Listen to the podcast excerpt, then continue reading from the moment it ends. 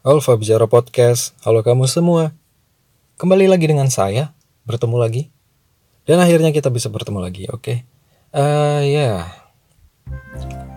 kemarin saya sudah bercerita dan kali ini saya mau bercerita lagi. Dan saya sangat pengen nanti ada suara kamu di sini. Selain ada suara saya, ada suara kamu juga. Bisa kamu kirimkan langsung lewat email atau lewat mana gitu ya kalau kamu punya kontak saya silahkan langsung aja ya. Ataupun kalau enggak kalau penjara kita agak dekat ya kita bisa ketemu aja gitu ya. Hmm, um, saya jadi penasaran. Kemarin kan saya sudah bercerita terus hari ini saya mau bercerita lagi tapi saya mau membacakan ini aja deh. Mau membacakan bisa dibilang puisi atau syair malah. Ya gitu deh. Oke. okay. Bersiap? Udah siap? Dan ya, selamat mendengarkan.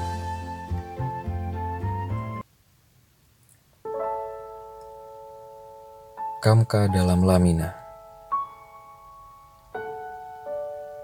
Pagi 24 Juli Semestinya gelisah ini tak perlu mampir Karena tempat ini cukup sesak untuk kita berdua tapi ia menjejali kita, membuang semua benda-benda biar jadi cukup untuk dia berdiri di sana. Sisa semalam yang berantakan, sisa pesta pora, yang mana aku turut bahagia walau hanya hadir di pesan suara. 24 Juli, pagi pukul 7. Yang mampir membangunkanmu ialah aku membawakanmu roti dan susu, seperti yang kau beri padaku saat pertama kali aku menemuimu. Bagaimana semalam? Tanyaku. Baik, mereka semua baik padaku. Jawabmu. Aku iri. Tak pernah aku diperlakukan sepertimu. Ucapku. Jangan iri Suatu saat nanti kau pasti merasakannya. Jawabmu. Tak mungkin lah. Tapi kalau kamu yang memberikan itu, aku sangat bersedia. Aku menggoda. Mungkin. Kau orang baik. Kawan-kawanmu pasti tahu. Kalau soal aku, kau tak usah bertanya. Jawabmu sambil memegang tanganku yang mengepal. Kami saling melempar senyum. Beberapa sampai jatuh berdebum di lantai rumah. Beberapa lagi sampai mengendap hingga ke urat. Kalau aku orang baik, mana mungkin kita bertemu? Aku melanjutkan. Jangan mulai lagi. Jangan buat aku sedih. Kau memelas. Yang paling sulit bukanlah berhasil duduk di atas pelana, melainkan memegang kendali di atas mau. Seringkali batas-batas bias tenggelam euforia. Seringkali lupa bahwa hidup bukan cuma soal berdua. Aku anggap waktu itu ajal hampir tiba. Kau dan aku terlena tanpa tahu kuda ini tengah sekarat menopang kita pagi, siang, sore, malam, aku selalu ada di sebelahmu. Berbuat apa pun, membicarakan apa saja, seolah tak lepas. Walau sesekali kuda ini menahan napas. Meluangkan waktumu menemui yang selain aku. Kau mengerti aku cemburu. Aku mengerti kau hanya mencoba adil. Kau bersandar di tubuhku, memeluk lamina yang terpasang. Sembari kau berkelana, aku tak pernah palingkan mata. Wajahmu kupasang di dalamnya. Detik berlari, lambat terasa kita bercinta dengan mesra. Dikepung dentuman yang bernyanyi, kita menari. Berputar di atas pelana ini.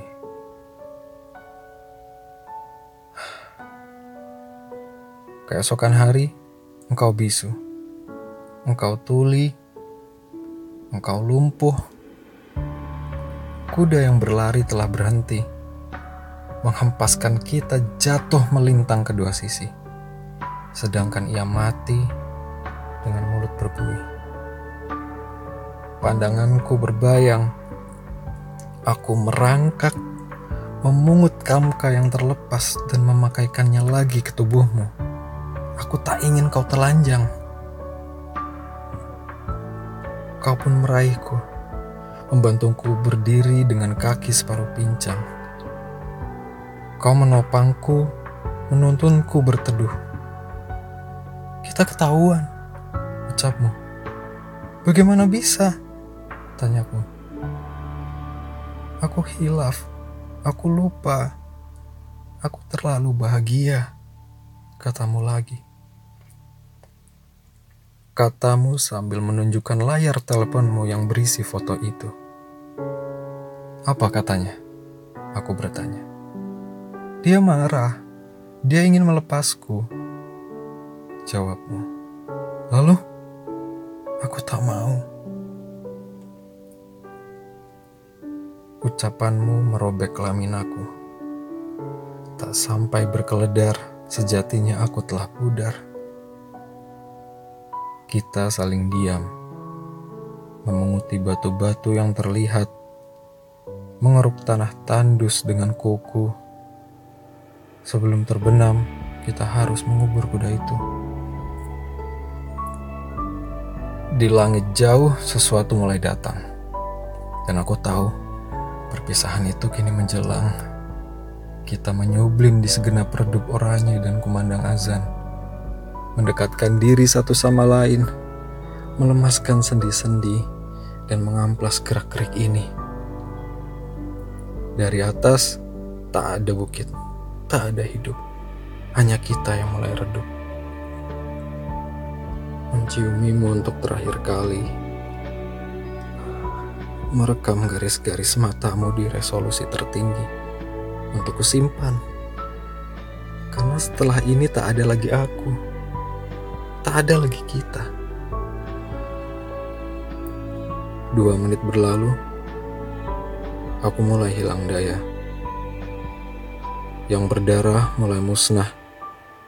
Aku melebur, bercampur udara yang kau hela. Sedangkan dia datang, mengambilmu dan memberimu maaf. Kau tak berucap, tapi sembari memeluk dia, menangisi hari ini sejadinya. Aku dan dia sama-sama tidak tahu sebenarnya apa yang menjadi penyelut tangis itu. 24 Juli menjadi awal yang berbahagia menutup satu pintu dosa, dusta. Keesokan hari aku terbangun. Aku bermimpi menciumi seorang kekasih, menghidupinya, memberi serat dalam tinta yang ia usap.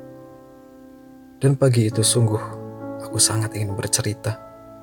Tapi dengan siapa? Aku lupa. 11.30 Adi Sucipto di tengah semua orang. Wanita itu membangunkanku, menepuk-nepuk pipi, memanggil-manggil nama, memeras-meras jari, berujar jangan nakal, berpesan untuk sabar. Aku ingat mata itu. Itu kamu. Ya, itu dia. Itu puisi atau syair ya? Atau apa? Saya nggak tahu sih. Padahal sering banget sering banget nulis-nulis kayak gitu. Tapi menurutku puisi tapi nggak tahu juga sih. Aku lupa ininya. Uh, syarat-syarat uh, sesuatu bisa dibilang puisi atau sajak atau syair. Ya gitu deh. Kalau kamu pengen hmm, silakan kirim aja.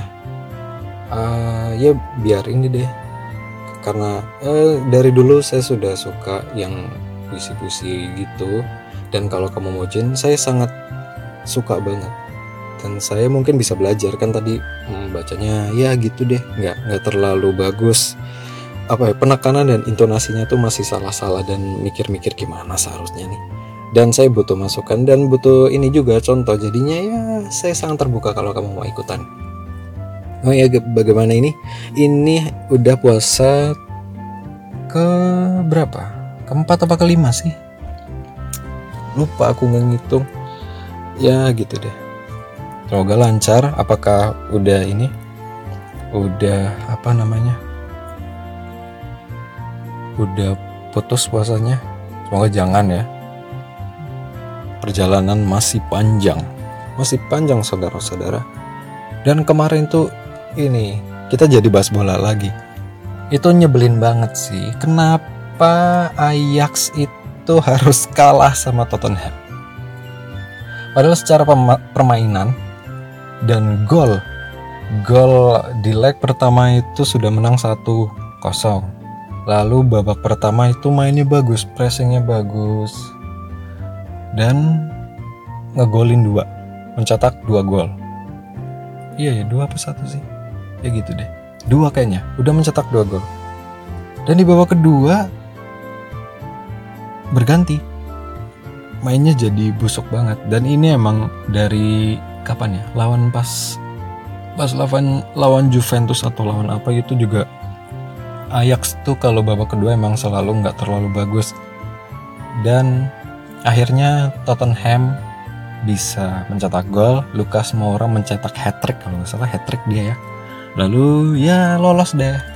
Padahal itu main di kandangnya Ajax di Amsterdam dan akhirnya nanti final Liga Champions 2019 di Madrid adalah Liverpool melawan Tottenham Hotspur. Dan yang lucu lagi, kemarin kan uh, sebelum ini di tag ya, kemarin itu ada Chelsea lawan apa ya? Frankfurt. Apa ya? Ya. Terus ada Arsenal lawan Valencia. Dan ternyata yang lolos final UEFA UEFA League itu adalah Chelsea versus Arsenal. Jadi final Liga Champion dan final UEFA. itu dari Liga Inggris semua. Final championnya championsnya itu Liverpool lawan Tottenham, sedangkan UEFA-nya itu Chelsea lawan Arsenal. Uh, ya gimana ya? Uh, ya bagus sih, ya bagus, bagus, bagus. Bagus buat Inggris, tapi nggak uh, bagus buat fans Manchester United karena itu nyebelin banget deh. Uh, pesaing di klasemen 6 besar, 6 ya 6 besar gitu. 6 besar gitu semuanya ya masuk final itu berpeluang untuk mendapatkan piala. Manchester City nggak di sana karena udah gagal, gagal duluan, tapi masih punya peluang di liganya untuk juara. Kalau nggak kepleset, asalkan menang terus, dan Liverpool kalaupun menang ya akan menang Manchester City juga. Akan menang Manchester City juga karena selisihnya itu satu poin. Ya gitu. Manchester United nggak dapat apa-apa. Kecuali besok uh, berlaga di UEFA. Gitu. Tapi buat apa sih? Kemarin udah udah pernah menang juga. Ya sorry ya malu malu jadi bahas bola. Ya gitu deh. Karena epic banget. Semuanya tuh comeback si Liverpool juga comeback pas melawan Barcelona. Padahal pas di leg pertama itu Barcelona udah menang 3-0 dan Messi itu mencetak dua gol dan free kicknya bagus banget. Free kicknya melengkung abis. Bagus banget dan uh, mantan pemain Liverpool si Luis Suarez itu juga mencetak satu gol. Dan epic banget bagus banget. Dan waktu di leg kedua main di Anfield Luis Suarez uh, berekspresi ya senang udah kembali bisa kembali ke Anfield. Dan sesumbar nggak bakal selebrasi kalau misalnya mencetak gol di Anfield. Ya nyatanya nggak mencetak gol dia akhirnya dibantai 4 dan itu ini sih kacrut banget sih kenapa bisa kayak gitu. Ya deh. Dan ini finalnya mungkin kapan ya? 1 Juni apa 1 Juli? Final Liga Champions. Saya belum update lagi karena itu karena masih ya, ya gimana sih mau update gimana? Timnya itu semua nggak ada MU ah sebel saya sama ini sekarang malah. Yang pemain nggak niat itu dibuangin aja sebenarnya di. Nggak perlu apa pemain yang apa ya yang humble atau yang yang buat penghibur gitu. Atau yang baik kelihatan nggak perlu. Yang penting menang di lapangan. Nanti persona yang kayak gitu urusan belakangan. Ya gitu deh dan gimana? Apakah uh, empat tim dari peserta final di Champions League atau UEFA League adalah tim favorit kamu? Kalau iya selamat. Selamat berjuang lagi. Dan selamat nanti non bar lagi. Nonton bareng lagi. Dan finalnya siapa aja? Tapi jangan ribut-ribut ya. Boleh sih beradu argumen kayak gini misalnya wah saya nggak suka sama ini. Nggak apa-apa sih. Itu hak semua orang sih untuk suka dan nggak suka. Tapi jangan sampai dibawa ke dalam hati. Kadang kan ada yang sampai baper banget tuh sampai nggak terima kalau timnya dijelek-jelekin atau gimana. Ya saya pernah ke di fase itu dan hawanya tuh nggak enak gitu. Kalau nggak selo tuh nggak enak. Akhirnya sekarang ya kalau misalnya saling uh, ngejek-ngejek ya namanya kan laki-laki ya dan bola juga yang ngejek-ngejek kayak gitu ada yang ngejek. Ya diajak balik aja tapi sambil ketawa gitu. Dan di di inilah di setting supaya menyenangkan. Jangan terlalu nanti ke bawah suasana dan akhirnya berantem beneran itu nggak asik. Itu nggak boleh seperti itu. Dan gimana kalau puasa ini misalnya kan ini lagi bahas bola dan kadang ada yang salah paham. Dan ini juga berita politik juga belum selesai ternyata. Hmm, masih banyak inilah indikasi bla bla bla bla dan uh, ya di luar dari hasil pemilihan presiden ataupun uh, legislatif itu semua yang patut disayangkan sebenarnya adalah berita bahwa 500 orang petugas KPPS meninggal dunia dan penyebabnya tidak tahu. Ada yang bilang penyebab kelelahan, tapi waktu kemarin saya nonton TV ada yang bilang ada narasumber satu narasumber yaitu seorang dokter. Itu bilang nggak ada tuh sejauh saya berprofesi sebagai dokter. Penyebab kematian adalah kelelahan. Yang ada itu mungkin sebelum dia bekerja dia sudah punya penyakit atau uh, gejala sakit tertentu. Sehingga kelelahan itu cuma jadi pendorongnya aja bukan penyebab utamanya kayak gitu kata salah satu narasumber. Ada terus politisi yang menyangkal ya gitu deh. Kalau kamu lihat TV gemes juga sih. Ya gimana sih? Harusnya simpati lah berdebat. Uh, gini ada yang menghindari oh jangan berdebat. Padahal berdebat kalau menurutku di pandanganku berdebat nggak apa-apa. Berdebat itu untuk menghasilkan suatu kon konklusi. Hasil. Kalaupun berdebat itu harus ada hasilnya yang dicapai berdua gitu. Uh, misalnya ada yang misinformasi gitu, kita saling membagi informasi dengan lawan bicara kita dan di akhir percakapan atau dialog itu atau diskusi itu ya paling nggak ada kesimpulannya lah, kon konklusinya itu tadi sebenarnya apa? Setelah sekian banyak kita beradu omong ini hasilnya apa gitu? Ya biar nggak kayak obrolan yang kayak gitu isinya malah uh, berbau-bau sampah semua kan malah kasihan sebenarnya. Kalau apalagi di acara TV itu kasihan sebenarnya yang mendengarkan misalnya keluarga dari korban. Um, seharusnya sih simpati respect lah. Kalau mau berdebat jangan keras-keras. Nada dan ucapan ini harus bersimpati. Bagaimanapun yang meninggal adalah manusia. Itu secara waktu yang tidak jauh berbeda.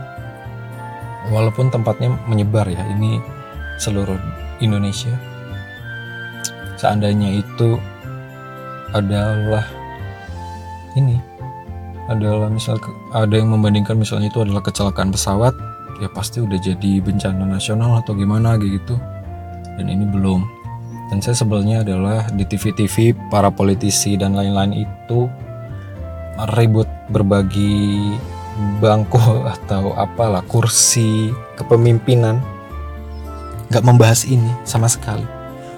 Sedikit kalaupun dibahas itu porsinya sedikit dan seperti nggak serius menurut saya. Tidak jadi headline. Lalu kasihan. Dan gaji nggak seberapa. Dan kena pajak.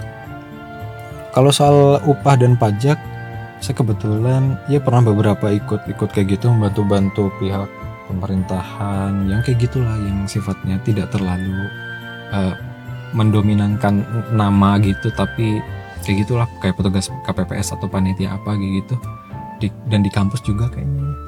Dan kalau misalnya ada honor pasti itu emang udah dari dulu emang ada potongan-potongan kayak gitu bilangnya pajak kayak gitu.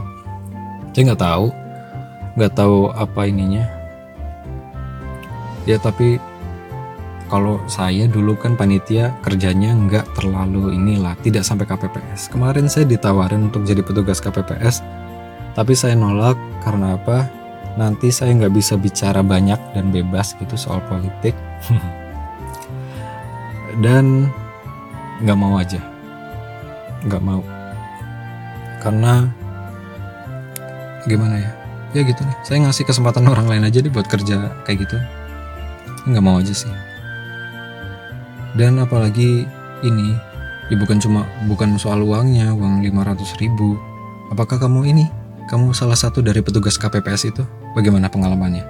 Mungkin bisa kamu bagi ya di email diceritakan kepada saya bagaimana sebenarnya ke kejadian yang sebenarnya terjadi di situ di kap di TPS tempat kamu bertugas ya. Silakan bercerita. Soalnya saya penasaran di hari pencoblosan itu saya sibuk mantengin Twitter. Uh, banyak uh, hashtag-hashtag yang bermunculan dan trending. Uh, dari kubu satu bikin hashtag ini semua, dari kubu dua bikin hashtag ini semua, dan saya lihat satu-satu. Ada yang melaporkan kecurangan-kecurangannya seperti kertas suara yang sudah tercoblos atau rusak dan sebagai macamnya itu. Terus yang kubu satu ada yang apa ya ada yang memposting ini hasil pencoblosan bahwa yang menang ini, yang menang ini kayak gitu. Dan itu cukup rame sih, cukup rame. Tapi ya uh, bingung juga. Dan saya sempat browsing-browsing juga di di Twitter, di Twitter, di Instagram, tapi di YouTube saya juga. Saya menemukan channel yang bernama Bravos Radio itu. Bravos Radio itu terus saya cerita ke teman saya menurutmu gimana? Kayak gitu. Saya kasih linknya terus saya suruh dengerin gitu lihat videonya. Menurutmu gimana? Kata teman saya ini ini mah kubu ini banget kayak gitu. Hmm iya sih sebenarnya sih kayak gitu. Karena sebenarnya saya setelah saya lihat saya kan nggak tahu ya saya bukan menjelek-jelekan ini menjelek-jelekan channel YouTube atau radio online itu ya bukannya tapi saya mencoba untuk netral. Ya walaupun kalau mau jujur saya juga mendukung apa yang mereka dukung kayak gitu. Maksudnya pilihannya. Mungkin pilihan saya dengan dia sama. Tapi untuk karena mereka itu menyebut diri mereka adalah media jadi seharusnya sih kalau misalnya mengundang bintang tamu kemarin juga ada ini kok. Salah satu calon ini wakil presidennya juga ada sempat datang juga di sana di channelnya itu di satu kontennya. Lalu beberapa tokoh ekonom banyak sih. Dan mereka juga menyebut ada yang uh, sungguh inilah komunitas apa ya komunitas atau perkumpulan ya? Komunitas uh, jurnalis independen atau apa gitu. Ya saya kurang tahu. Jadi kalau misalnya ada uh, kamu-kamu sekalian yang tahu soal itu mungkin bisa dibagikan ke saya untuk berbagi karena saya masih kurang tahu. tapi ya sebenarnya menurut saya ini uh, cukup besar kan channel yang cukup punya jaringan gitu ya karena bisa mengundang bintang tamu yang cukup namanya cukup pentereng akhir-akhir ini kayak gitu. Apalagi wakil presidennya juga datang gitu. Tapi cuma dari sebelah aja. Tidak ada dari uh, satu uh, ini apa namanya? Uh, pihak lain gitu. Pihak yang sebelahnya nggak ada dan memberitakan yang bikin bingung adalah memberitakan hasil suaranya berbeda dengan yang di TV atau penghitungan ini KPU beda. Ya gitu. Kalau misalnya ini ilegal, eh, kenapa tidak dimasalahkan atau atau pemerintah belum tahu atau siapa begitu belum tahu kenapa tidak di take down gitu kalau emang ini menyesatkan dan kalaupun ini benar data itu bersumber dari mana dari siapa dan dapat dapat dipertanggungjawabkan atau tidak seperti itu. Ya cukup menarik sih. Nanti saya mau bahas ini sama yang lebih ngerti mungkin. Mungkin ada ini saya mau cari uh, teman yang dari jurnalistik juga mungkin siapa tahu ya siapa tahu. Kemarin udah dikasih kontaknya sama teman saya yang jurnalis itu Pak Ardi itu Ardi Rosyadi yang sekarang pindah di Jakarta ya. Wah jadi orang Jakarta sekarang ya. Dan ya itu saya uh, sebenarnya menarik sih. Saya bukan jurnalis. Cuma saya kepo aja kayak gitu. Ya gitu deh. Dan kamu karena ini belum puasa jadi kalaupun beda pilihan atau gini beda tim sayangan beda pilihan presiden beda pilihan caleg kayak gitu biasa aja jangan jangan suka berantem berantem nanti kena pasal undang-undang ITE lalu ini yang paling menjadi jebakan adalah pasal pencemaran nama baik sama ujaran kebencian itu berat banget kebanyakan yang kemarin kena kan orang-orang yang famous, yang terkenal, public figure, tapi tidak menutup kemungkinan orang-orang biasa kayak kita. Mungkin kamu terkenal kayak saya gitu. Orang biasa kayak saya gitu bisa kena.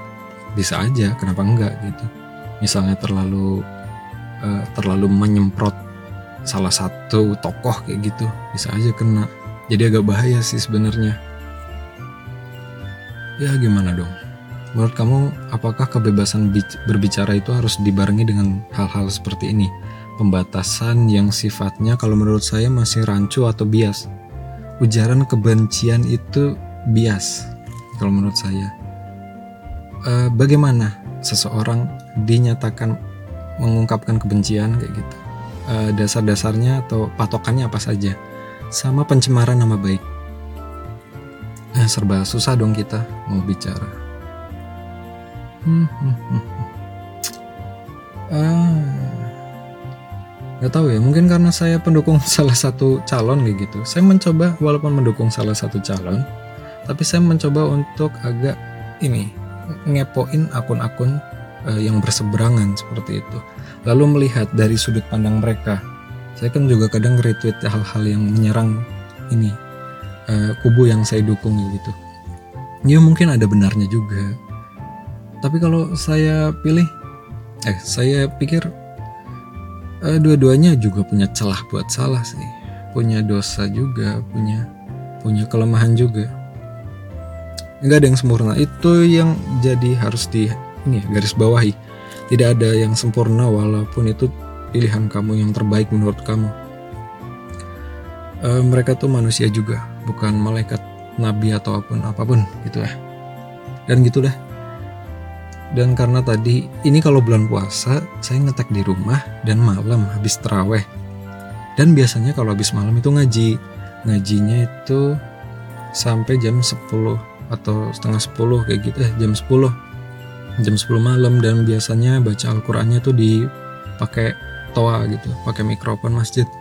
Jadi agak um, mencari waktu yang tepat untuk ngerekam agak gini agak ya sabar-sabar gitu sambil kitanya ngaji juga kayak gitu tapi kalau udah nggak kuat ya udah tidur kayak gitu jadi mohon maaf kalau misalnya itu mempengaruhi mood loh kalau kalau nungguin sesuatu yang enggak ini ini kadang moodnya jadi nggak bagus lagi. Ya tapi ya seperti itulah. Mohon mohon pengertiannya mohon kesabarannya. Karena ya masih ngerekam di HP dan di mobil belum ada kondenser dan belum punya ruangan yang kedap suara. Ah pengen sih nanti. Suatu saat punya studio. Ya doain deh. Dan itu aja. Um, ya bacaan puisi kamu atau cerita kamu masih saya tungguin lewat tulisan ataupun lisan direkam di HP kamu dan di, dikirimkan ke saya nanti saya tampilkan di podcast ini dan silakan di like fanpage Facebook di Alfa Bicara Podcast atau ini YouTube-nya, akun YouTube-nya di Alfa Bicara Podcast masih 412 subscriber, masih panjang perjalanannya. Dan saya belum upload lagi karena ini harus diedit dulu, harus di convert ke video. Nah, deh, gitu deh. Dan ya, sampai bertemu di episode selanjutnya. Jaga kesehatan, ini bulan puasa. uh, capai berkahnya jangan cuma mikirin soal material aja tapi juga uh, berbagi dengan sesama nanti kalau misalnya kita kan bakalan ada godaan buat belanja pakaian makanan minuman nafsu untuk itu direm sebentar atau sedikit dan coba luangkan waktu untuk melihat kanan kiri tetangga kita. Apakah masih ada yang kelaparan atau kekurangan? Daripada berlebih-lebihan lebih baik kita bagi dong. Berbagikan enggak? Ya walaupun secara kasat mata berkurang punya kita tapi sebenarnya itu berkah dan kita bakal dikasih lebih. Katanya gitu. Mungkin kamu lebih tahu ya. Ya udah deh. Udah sampai bertemu di episode selanjutnya Alfa Bicara Podcast signing out bye bye Terima kasih buat kamu yang sudah mendengarkan. Silahkan kirim kritik, email, dan cerita kamu di alfabicarapodcast at gmail.com dan sampai bertemu di episode selanjutnya. Terima kasih.